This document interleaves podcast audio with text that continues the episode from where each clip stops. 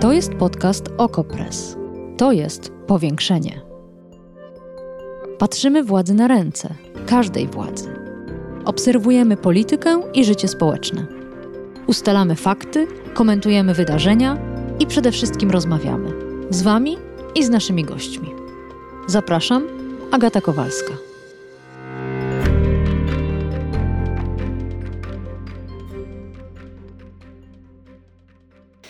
Poprzednim powiększeniu okrutnie się spieraliśmy z moim gościem. Był to Sebastian Mikosz, wiceprezes dużego międzynarodowego stowarzyszenia linii lotniczych JATA. Pytałam go o emisję CO2, o koszt biletów w stosunku do tych kolejowych i oczywiście o ocenę zamiarów Unii Europejskiej, która chce opodatkować paliwo lotnicze, walcząc o klimat. W żadnej z tych spraw nie udało nam się zgodzić. Polecam Państwu ten odcinek, można go oczywiście znaleźć na portalu OkoPress. Ale co ważniejsze, ta dyskusja wydała mi się na tyle ciekawa i na tyle niedokończona, że zdecydowałam się na drugą część. Przed nami właśnie ta część o kolei. Dlatego, że w rozmowie z Sebastianem Mikoszem bez przerwy nasuwały mi się porównania. Skoro samolot jest wysokoemisyjny, szkodzi planecie, to dlaczego nie możemy wybrać kolei, choćby na krótkich trasach, choćby w Europie? Kolej nie ma być obciążona przez Unię Europejską tymi podatkami e, za emisję CO2. Wręcz przeciwnie, Bruksela zapowiada, że chce stawiać na kolejnictwo. Zapowiada to już pewnie drugą dekadę, ale teraz ponoć ma być inaczej. Pytanie, czy słusznie? I na ile to są rozwiązania realne, wygodne dla pasażerów? Przecież czy można dojechać na wakacje do Grecji pociągiem albo do Chorwacji? Czy to po prostu mrzonka? Sprawdzimy dzisiaj w powiększeniu.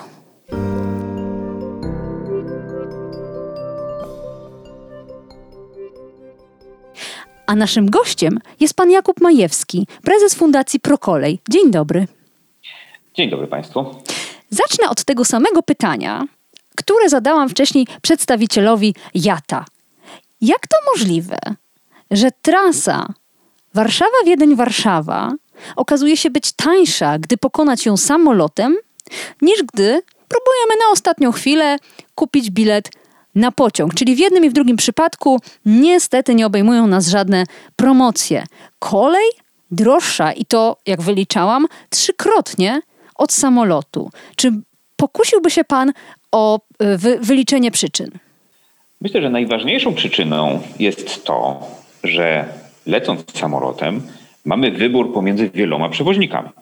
E, przecież nie wchodzimy na, e, najczęściej na stronę konkretnego, tylko korzystamy z wyszukiwarki i tam się okazuje, że możemy polecieć e, tanio, za kilkaset złotych, ale ma również ta sama wyszukiwarka podpowiada nam, że możemy polecieć do tego Wiednia za 8 czy 10 tysięcy złotych. E, i wybieramy tego przewoźnika, który e, ma najciekawszą ofertę. Niestety na kolei nie mamy takiego wyboru. E, najczęściej jest tak, że połączeń jest kilka i że wszystkie oferuje tylko jeden przewoźnik. Na kolei z jakichś przyczyn, które często mówi się jedno wielkie PKP, jedna wielka spółka, kolej narodowa będzie najefektywniejsza, ale już nie myślimy, że chcemy mieć jedną linię lotniczą, jednego e, przedsiębiorcę oferującego taksówki w całym kraju. Tutaj mówimy nie, nie, tam jest potrzebna konkurencja, bo ta konkurencja służy temu, żeby jakość była lepsza i żeby ceny były niższe. No i dokładnie tak mamy e, pomiędzy koleją a lotnictwem. E, mamy... Ale proszę to wyjaśnić. Czy chce pan powiedzieć, że żadna inna spółka kolejowa nie może zacząć wozić pasażerów na trasie Warszawa-Wiedeń-Warszawa? I to jest nie tyle decyzja polska, co wszystkich krajów członkowskich Unii Europejskiej. I gdybym jechała na trasie Wiedeń-Paryż-Wiedeń, to również cena biletu byłaby znacząco wyższa niż gdybym wybrała na tej trasie Wiedeń-Paryż-Wiedeń samolot. Niestety tak jest. Na szczęście natomiast nie jest tak, że to jest, że przyczyną tutaj są jakieś blokady prawne, mhm. E, tylko głębokie przekonanie, tak jak e, nawiązałem do tego, podzielili kolej na spółki i spółeczki. Po co to zrobili? Lepsza była jedna kolej. Jak jedna kolej, to jest to przekonanie? Panie prezesie, no, bardzo, często, bardzo często słyszę takie, e, taką opinię, po co na kolei tylu przewoźników? A po co tyle taksówek? A po ale co momencik, ten Uber? Bo, bo żebyśmy mieli jedną centralną, narodową Jasne, ale chwileczkę. firmę taksówkową i ona na pewno byłaby najtańsza i najlepsza. Ja rozumiem, no ja rozumiem logikę, ale ja próbuję dotrzeć do sedna, czyli do przyczyny. Czy to samo stwierdzono we Francji, w Wielkiej Brytanii, we Włoszech, w Grecji, w Austrii, wszędzie tam myślenie było identyczne? Monopol na kolei jest najkorzystniejszy? Czy tylko w Polsce? Bo chciałabym dzisiaj rozmawiać o Europie, nie tylko o naszym nieszczęsnym kolejowym e, świecie w Polsce. No to rozmawiajmy o Europie. Mhm. Rzeczywiście, w krajach, które mają taki bardzo socjalny, etatystyczny rys, jak na przykład Francja, ma być jedna wielka kolej. A kraje liberalne, które generalnie wierzą w gospodarkę wolnorynkową, jak na przykład Wielka Brytania, w ogóle nie mają państwowej kolei. Tam jest wielu przewoźników. E, I oczywiście zaraz pojawi się argument, że w Wielkiej Brytanii są bardzo drogie bilety kolejowe. Pudło. I to jest jedyny kraj, w którym rosną przewozy. Lawinowo rosną rosną przewozy koleją. A Czechy? Coraz Nasz więcej... bliski sąsiad, Czechy, Niemcy. Jak tam Świetny to wygląda? Przykład. Czechy.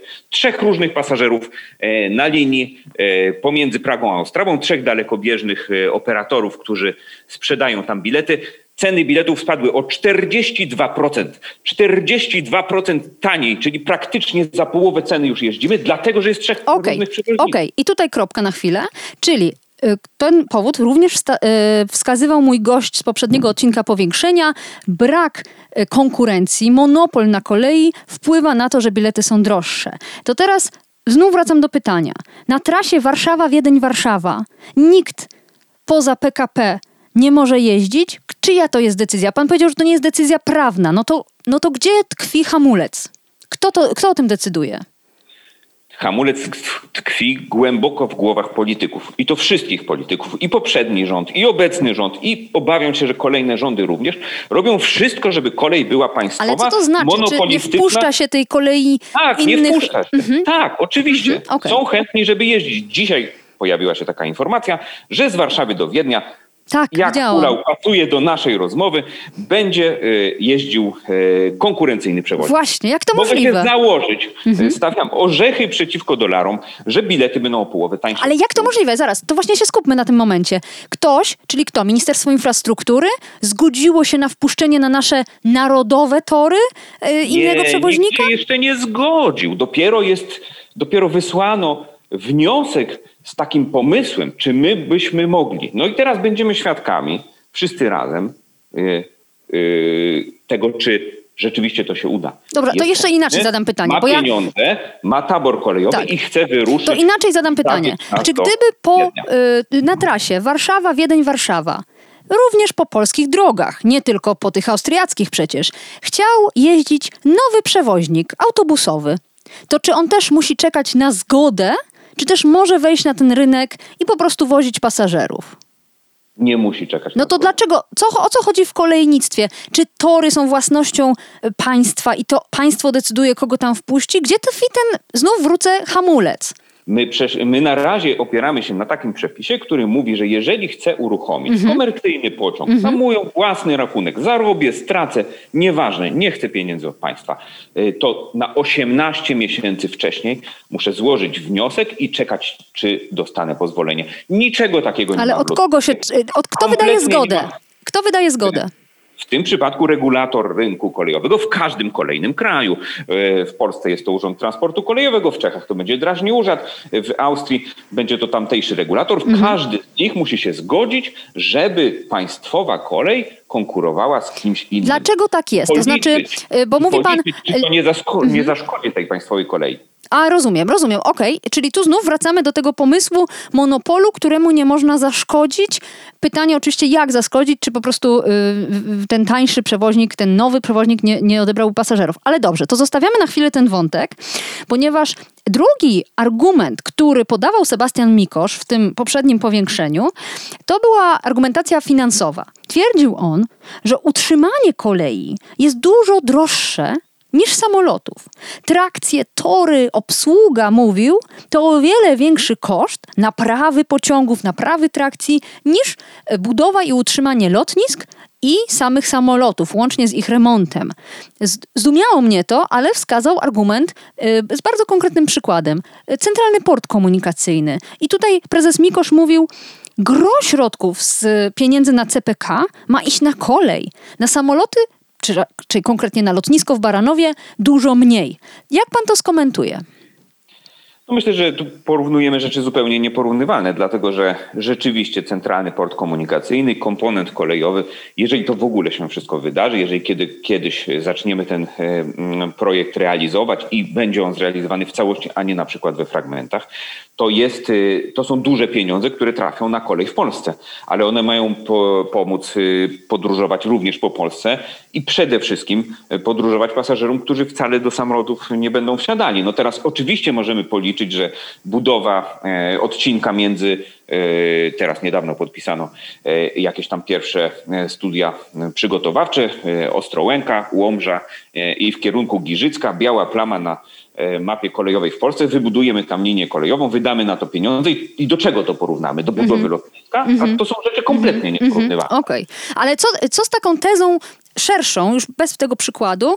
Oczywiście wciąż szukaliśmy przyczyny, dlaczego te bilety są droższe na kolei w stosunku do samolotów. I odchodząc już od tematu konkurencyjności monopolu, dochodzimy do budżetu, jaki trzeba wydać, żeby utrzymać trakcję, tory, konduktorów, maszynistów, y, obsługę dworców i tak dalej, dróżników i czy rzeczywiście to jest aż tak bardzo kosztowne w stosunku do obsługi samolotów, y, lotnisk y, i tak dalej? No, ja mogę powiedzieć, co się składa na cenę biletu kolejowego. 25% dostęp do infrastruktury. Przekładając to na e, ludzki język, e, szlaban na autostradzie. Nie zapłaciliśmy, nie możemy jechać. Czyli jedna czwarta pieniędzy już poszła e, i zapłaciliśmy za infrastrukturę. Za, za, za korzystanie z torów, mówiąc językiem. Za korzystanie z torów, czyli teoretycznie i za dróżnika, i dyżurnego ruchu, i kogoś, kto te tory będzie utrzymywał, naprawiał. I 25%, tak a reszta? 25%. 25% wynagrodzenia, czyli powiedzmy mm, koszty tegoż naszego y, przewoźnika kolejowego. 15% energia y, trakcyjna y, po to, żeby ten pociąg w ogóle ruszył. 10% amortyzacja sprzętu. Do tego VAT i parę mm, kosztów takich jak tabor, utrzymanie tego taboru, czyli właśnie te remonty, czynsze, IT, marketing i tak dalej, i tak dalej. Nie ma tu jakichś takich horrendalnych, utopionych pieniędzy, chyba że się zaczniemy przyglądać, których z tych elementów kosztowych lotnictwo nie płaci. Mhm. Bo na przykład 7% VAT nie płaci. Bo na przykład. Jak to nie płaci? Jest nie płaci. zwolnione z y, podatku VAT? Tak, bilety lotnicze są zwolnione z podatku VAT. A dlaczego? No bo promujemy lotnictwo. To prosta odpowiedź, która pozostawia mnie bez komentarza. A co jeszcze? Spójrzmy sobie, gdzie jeszcze lotnictwo jest rajem podatkowym, znaczy gdzie, gdzie lotnictwo ma raj podatkowy. Opodatkowanie paliwa lotniczego. Lotnictwo nie płaci akcyzy. Super. Przecież każdy kierowca, lejąc tą e, na stacji benzynowej to paliwo do samochodu, pomstuje, jak duże są koszty, e, które wcale nie wiążą się z paliwem, ale z podatkami w tym paliwie. Lotnictwo ma promocję. Lotnictwo ma raj podatkowy. W Japonii 14 E, centów za litr. W Kanadzie 8, w Arabii Saudyjskiej 2, w Stanach Zjednoczonych 1, w Unii Europejskiej 0. Nie płacimy akcyzy za paliwo. Super, jesteśmy w raju podatkowym i cieszymy się, że mamy tanie bilety. No nie płacąc podatków i akcyzy, każdy byłby najlepszym przedsiębiorcą na świecie. Ale jeszcze jest jeden e, element. Próbowaliśmy wytłumaczyć, dlaczego te bilety kolejowe są droższe, skoro jak pan tłumaczy, e, utrzymanie kolei wcale nie jest aż takie strasznie drogie, a ona na dodatek jest jeszcze dotowana, mówił Mikosz. lotnictwo, twierdził, nie jest dotowane. Zakazane jest na terenie Unii Europejskiej dotowanie linii lotniczych przez państwa członkowskie, a koleje wręcz przeciwnie, są i to e, bardzo głęboko m, wspierane przez budżety państwowe. Co, jak pan to skomentuje? No to musimy też e, zastanowić się, o jakich kolejach mówimy. Bo oczywiście jest tak, że koleje są dotowane. E, te koleje, które wożą nas do pracy, e, te koleje, które. Przewozy pasażerskie, tak? Przewozy pasażerskie mhm. na odległości małe, czyli przewozy wojewódzkie, międzywojewódzkie, tak. Przewozy międzynarodowe, co do zasady nie są dotowane. To jest działalność komercyjna. Czyli kolejny powód, dla którego ten mój bilet do Wiednia był taki drogi. Bo nikt do no niego nie dopłaca. Nikt, nikt do niego nie mhm. dopłaca.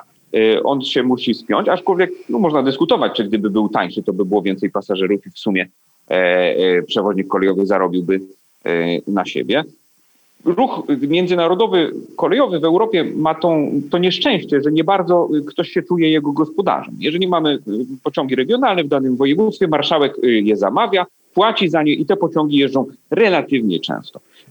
W skali kraju organizatorem takich przewozów jest minister infrastruktury. To on mówi, że Zamość wprawdzie może nie jest dużym miastem, ale nie możemy ludzi w tym Zamościu zostawić i powiedzieć, że będą tam mhm. mieszkać do życia, powinien jakiś pociąg raz na jakiś czas do tego No i też ktoś go z tego rozlicza. A co z przewozami międzynarodowymi? Nikomu na tym nie zależy? Nie mają organizatora. Dopiero teraz powstała inicjatywa, właśnie w ramach Green Dealu, właśnie w ramach nowej strategii Unii Europejskiej, żeby to Unia Europejska została organizatorem przewozów międzynarodowych, bo ona się zajmuje całym kontynentem. I być może wtedy rzeczywiście pojawią się jakieś mm, pieniądze na finansowanie tego ruchu. Dzisiaj takich pieniędzy nie ma. Żeby być precyzyjnym, u nas w Polsce są pewne środki na zapłacenie za ten pociąg, ale one się kończą na granicy. Już w Czechach, już w Austrii, już w Niemczech nie ma środków na to, żeby ten pociąg międzynarodowy był dotowany, w związku z czym musimy w bilecie zapłacić. No i to jest jedna z wielkich tajemnic dodatkowa cen biletów i do niej teraz przejdźmy. Jeśli Zap... można jeszcze od, odnosząc się do tak. tego, czy lotnictwo jest dotowane. W poprzedniej rozmowie padło takie stwierdzenie, że lotnictwo nie jest dotowane. No to popatrzmy sobie na e, budżety regionalnych portów lotniczych. E, oczywiście jest tak, że oficjalnie nie wolno dopłacać do linii lotniczych. E, w tamtej rozmowie pojawił się wątek pomocy publicznej i tego, że jak przedsiębiorstwa lotnicze, państwowe przedsiębiorstwa lotnicze popadają w kłopoty, to państwa dość chętnie dopłacają do nich po to, żeby nie upadły i w ten sposób de facto e, dotują to, co e, było deficytowe.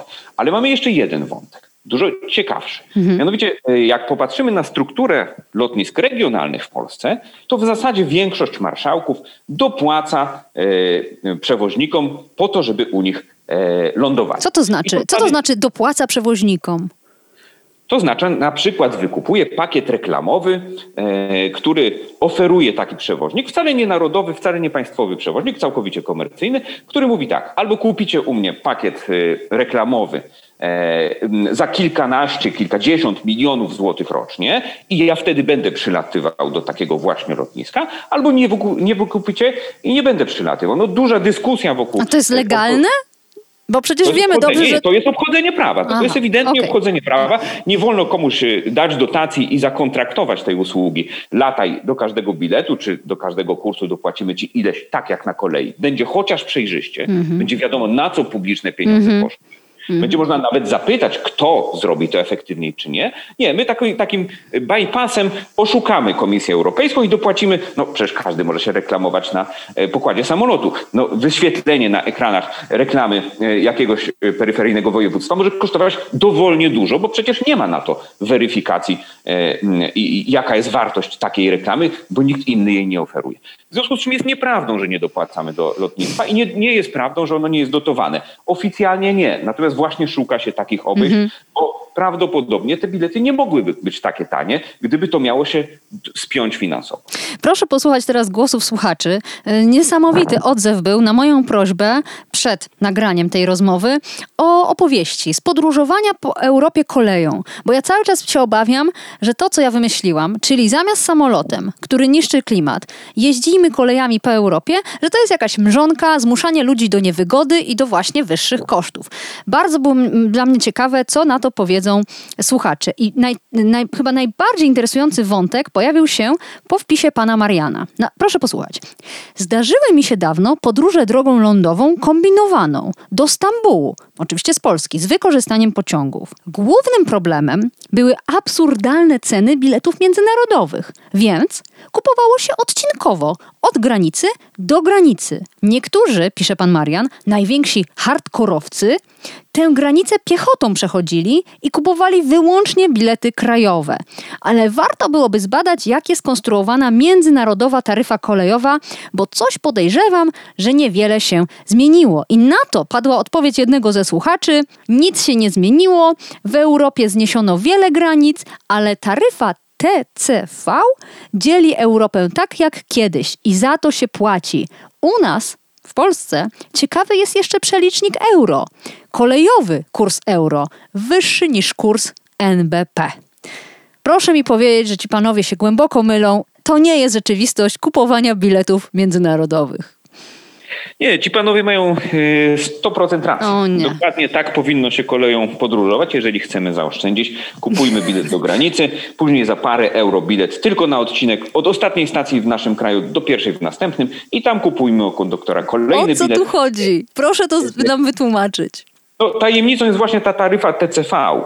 To jest taryfa, którą ustalają wszystkie koleje narodowe, nie tylko u nas zresztą, e, socjalistyczno-narodowe koleje, które rządzą e, rynkiem kolejowym e, w Europie i skłaniają Brukselę, żeby wydawała takie przepisy, żeby aby przypadkiem ktoś nie próbował z nimi konkurować. Ale co to jest ta taryfa TCV? To jest taka taryfa, według której rozlicza się e, wszystkie bilety międzynarodowe w długich relacjach. No, mamy w Europie e, różny poziom zamożności społeczeństw e, i, i różna cena biletu może być uznawana za wysoką. No, mhm. U nas 10 euro i 10 euro w Wielkiej Brytanii czy we Francji to zupełnie inne pieniądze, a wszyscy płacą tyle samo. W związku z czym wyjątkowo absurdalne wychodzą to ceny, jeśli chodzi to, o... Momencik, to inaczej, to, to spróbujmy to zrozumieć inaczej. Jeśli ja wsiadam w pociąg w Warszawie, wysiadam tuż przed granicą. I powiedzmy nawet przechodzę przez tę granicę i wsiadam w pociąg w Niemczech e, i jadę ten odcinek, to dlaczego te dwa bilety sumowane są tańsze niż gdybym kupiła jeden i przejechała pociągiem e, granicę polsko-niemiecką? Dlatego, że w Polsce się płaci w złotówkach i te bilety są cenowo dostosowane do zasobności portfela Polaka.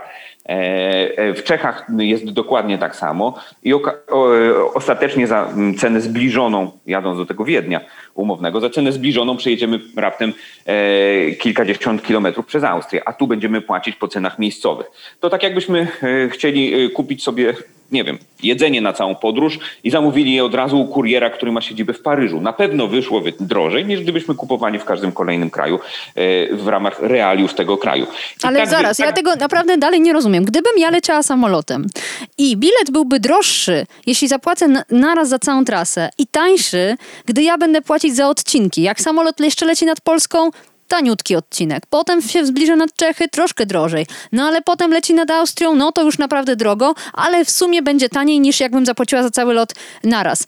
Gdzie tu jest jakaś przyczyna? Spróbujmy ją nazwać. O co tu chodzi? Co to jest za koncept? No to jest właśnie koncept taryfy międzynarodowej, która ma być jednostkowa w całej Europie i według której będą się te narodowe koleje e, rozliczać. No, A, dobrze, ale mamy jeszcze... znowu wyłomy. Mhm. Weźmy, no sobie, e, weźmy sobie pra, trasę e, Praga-Wiedeń. Niezależnego przewoźnika, który w ogóle nie chce, nie, nie chce nic słyszeć o taryfie TCV, po prostu sprzedaje e, bilety. Mhm. Mamy nawet precedens w Polsce. Do Polski też zajeżdża czeski przewoźnik i z Krakowa wprawdzie tylko dwa razy w tygodniu i w wakacje, uruchamia pociąg do Pragi. I ten bilet jest, kosztuje jedną trzecią tego, co bilet kupiony w PKP Intercity według taryfy TCV. No i to jest świetny przykład, bo też go miałam właśnie przytoczyć. Dlaczego bilet na tę samą trasę kupowany w Warszawie i kupowany nawet przez internet od Czechów y, jest już w innej cenie? Jak to zrozumieć?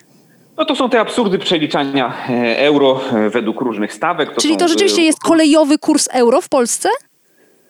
Tak, jest kolejowy kurs euro. Mało, mało tego, bardzo często nie ma biletów y, z Katowic do Warszawy na pociąg jadący z Wiednia, ale z Wiednia bilety na ten sam pociąg są aż do samej Warszawy. Dlaczego? Bo kolej ma niezsynchronizowane systemy informatyczne i nie wie, tak naprawdę ilu pasażerów wyjechało z Wiednia, więc na wszelki wypadek mówi, że nie ma biletu. Wie pan co, mam taką obawę, że nasza rozmowa zmierza ku y, takiemu mm, finałowi, w którym ja stwierdzę, że mój cały koncept, który przedstawiałam w poprzednim odcinku powiększenia, żeby z entuzjazmem przesiadać się z samolotów y, do pociągów, jest błędny, dlatego że samym, u samego zarania struktury kolejnictwa tkwi tyle grzechów pierworodnych, że nie ma sensu z tym walczyć, to po prostu rzeczywiście się nie może udać. Ale, ale ale mam znów głosy słuchaczy, którzy przytaczają e, przykłady w kontrze do tego mojego pesymizmu.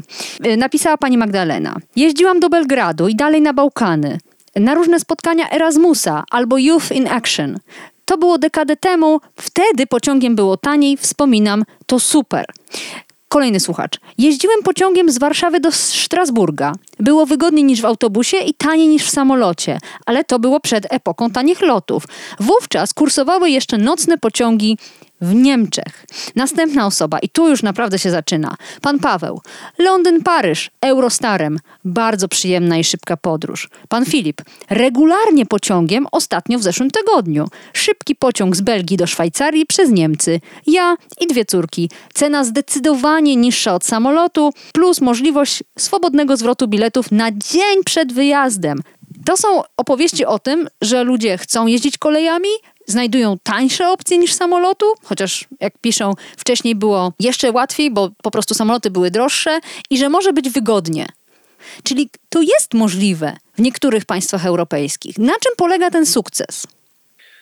W części z tych przypadków rzeczywiście przytoczone były połączenia, które są obsługiwane wcale nie przez koleje narodowe, tylko właśnie przez nowych przewoźników, którzy odkryli, że skoro ludzie masowo przekraczają granice samolotami, to widocznie jest rynek, który można by było wozić, tylko mhm. bilet musi być łatwo dostępny do zakupu przez internet, a nie tak jak u nas, tylko w kasie międzynarodowej, których jest y, w całym kraju jak na lekarstwo e, i tak dalej, i tak dalej. To, są, to jest rynek, to jest rynek, który jest atrakcyjny i to jest rynek, który może się rozwijać wręcz komercyjnie no i znowu sięgnę po mm, przykład y, mm, dość skomplikowanego, skomplikowanej relacji, czyli e, Czechy, Chorwacja e, w środku pandemii e, nagle się okazało, że cenimy sobie podróże bliżej i uruchomiono w ciągu miesiąca pociąg do Splitu po to, żeby wozić, e, wozić e, Czechów nad Adriatyk, tylko znowu zrobił to przewoźnik niezależny, a nie koleje państwowe, bo koleje państwowe to mogą najdalej uruchomić bilet, pociąg do granicy, a później już ktoś inny przejmie ten pociąg, pociągnie go do następnej granicy.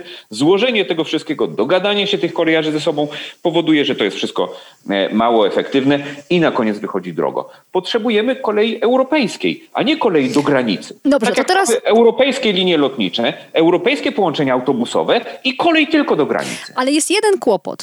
Co zrobić z tymi miejscami, które takim komercyjnym przewoźnikom się nie opłacają? Tymi połączeniami, które muszą być dotowane, muszą być zaopiekowane, czy to przez właśnie marszałka województwa, czy to przez land niemiecki, czy to y, wyżej na poziomie krajowym. Wiemy dobrze, że połączenia y, atrakcyjne, takie jak między wielkimi miastami w Warszawie, albo właśnie wakacyjne e, kursy e, gdzieś nad Adriatyk, to będzie, e, będzie, będzie pewnie chętnie przejmował też ten komercyjny sektor. Ale co z tymi, które są potrzebne jako usługa publiczna?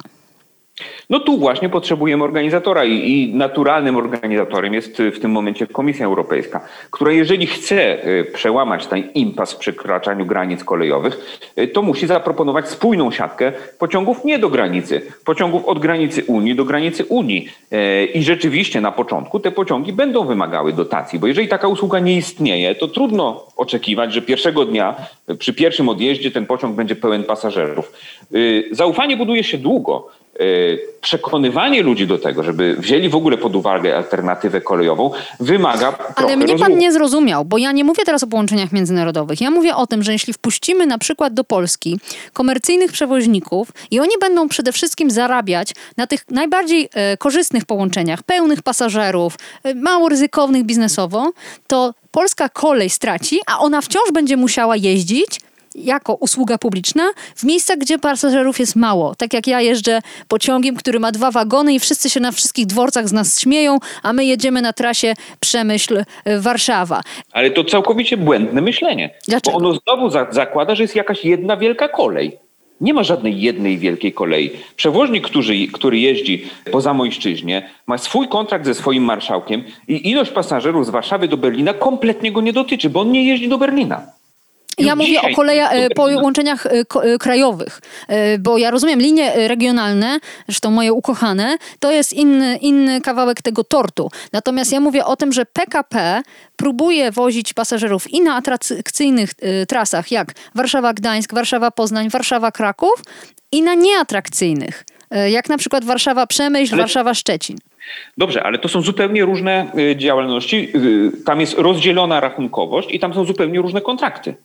To nie jest tak, że z, to, co się zarobi na y, komercyjnej działalności, dokłada się do przewozu do towaru.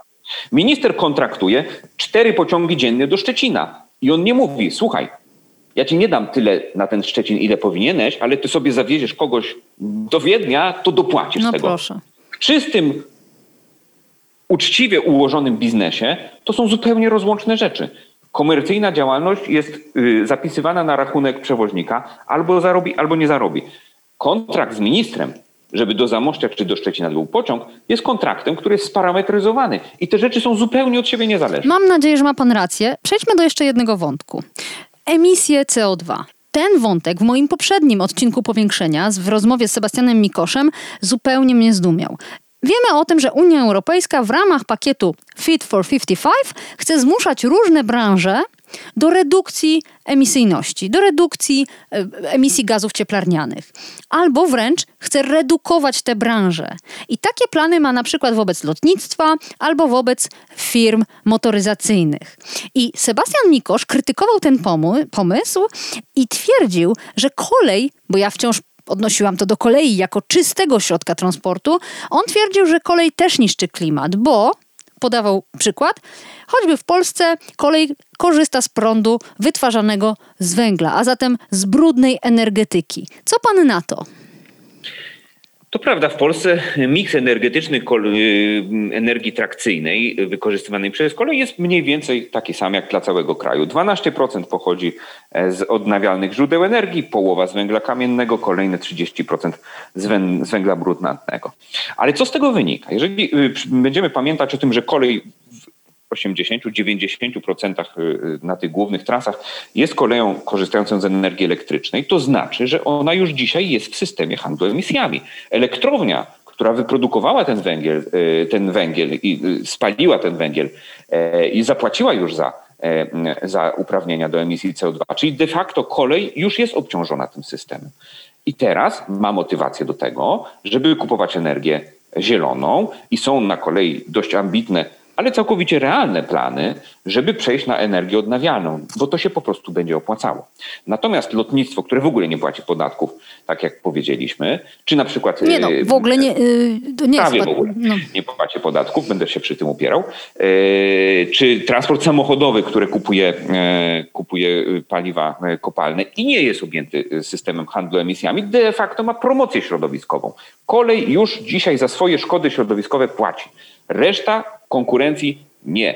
W związku z czym, jeżeli Komisja Europejska mówi, obejmijmy wszystkich tym samym systemem, emitujesz CO2, ponosisz z tego mm, tytułu opłatę, to wyrównamy warunki konkurencji. Ale co pan wyrównamy. powie na to, że zdaniem Mikosza ta różnica w emisjach nie jest aż tak uderzająca? No to dobrze, przytoczę dane. E, emisja dwutlenku węgla w gramach na pasażerokilometr. Tak, samoloty latają dalej, w związku z czym siłą rzeczy tych pasażerów przewożą e, na duże odległości. Lotnictwo 251 gram e, na każdego pasażera, zakładając, że samolot zabiera 100 osób. Pociąg wiodący 100 osób 22 gramy, dziesięciokrotnie mniej. Tak, pociąg jak weźmie 200 osób, a no to już tylko 11, dwudziestokrotnie mniej. To, i, I teraz możemy oczywiście mówić, że między 11 a 251 jeden nie ma żadnej różnicy, ale to jest manipulacja. To nie, nie zgadzam się z tym y, głęboko. To są dane e, europejskie i to są dane, y, w których samochód y, emituje setkę, a, a, samolot 251. W związku z czym jadąc samodzielnie samolotem jesteśmy znacznie bardziej przyjaźni dla, dla środowiska niż jak polecimy samolot. No to co y, z tą Unią? Już troszeczkę o tym Pan mówił. Czy rzeczywiście są jakieś poważne plany zmiany tej sytuacji w europejskim kolejnictwie? Nie wspomnieliśmy o tym, mało kto o tym chyba wie, że Unia ogłosiła 2021 rok rokiem kolei, ale ja nie wiem, czy z tego coś wynika. No tutaj rzeczywiście, rok 2021 jest y, y, europejskim rokiem kolei, ale mam wrażenie, że na razie jest to przede wszystkim hasło, bo mówi się o tym, że kolej jest zdecydowanie najmniej szkodliwym dla klimatu środkiem transportu i w przewozach pasażerskich, i w przewozach e, ładunków. Natomiast y, y, to, czego potrzeba kolei, to rzeczywiście e, bardzo gwałtowne e, zmiana myślenia i, postawienie tego pasażera w centrum uwagi i przyglądanie się temu. Mhm. Może jak tych, jak tych pasażerów przyciągnąć, czym ich przekonać, może jakością, może ceną, może jednym i drugim. Przygotowanie bardzo szerokiej oferty, e, a nie okopywanie się na swoich narodowych y, pozycjach. A mam wrażenie, że nawet Komisja Europejska e, która od wielu lat mówi o tym, że trzeba ujednolicić rynek kolejowy e, w Europie, po to, żeby pociąg nie utykał na tej granicy, po to, żeby nie trzeba było na tej granicy zmienić maszynisty, odczepić lokomotywy, zmienić szerokości torów, przezbroić całego systemu sterowania ruchem i jeszcze na koniec się okaże, że prąd płynący w sieci trakcyjnej w jednym państwie jest stały, a w drugim Ale pan mówi, że komisja od lat o tym mówi. Ja wiem, bo ja też śledzę i ja już nie mogę słuchać o tym, że komisja o czymś mówi. Gdzie tutaj jest problem? Dlaczego tego się nie da zrobić? To jest aż tak skomplikowane technicznie, aż tak bardzo państwa bronią swoich niedochodowych przewozów pasażerskich. O co tu chodzi? Skąd ta blokada? Rzeczywiście państwa bronią swoich kolei. Koleje y, powstawały... W, Ale to nie jest powód do dumy, w Polsce przynajmniej. To nie jest coś... Nie, to nie jest powód do dumy hmm. nigdzie w Europie, bo to nie jest wcale przypadłość polska. To tak naprawdę dzieje się w większości państw Europy. Hmm. Państwa uważają, że jednym ze sreber rodowych, które im zostały po liberalizacji rynku samochodowego czy lotniczego są właśnie te narodowe koleje i bronią tego, żeby ktoś inny za bardzo do tych y, ich sieci kolejowych nie zaglądał. No i skutek jest taki, że o ile da się jeszcze jakoś jeździć pociągami w regionach czy po kraju, to te ruch, ten ruch międzynarodowy wygląda naprawdę słabo. Musimy kończyć. E, Jakub Majewski z Fundacji Prokolej. Państwa zachęcam do komentowania, do odsłuchania obydwu odcinków powiększenia na temat samolotów i kolei e, i zgodzenia się lub niezgodzenia z którymś z naszych gości, a najbardziej to można krytykować oczywiście mnie i moje tezy. Agata.kowalska, małpa okopres. Czekam na Państwa komentarze. Można też oczywiście pisać do nas na Facebooku, na Twitterze. A Jakubowi Majewskiemu, prezesowi Fundacji Prokolej, serdecznie już dziękuję. Powiększenie Podcast Okopres.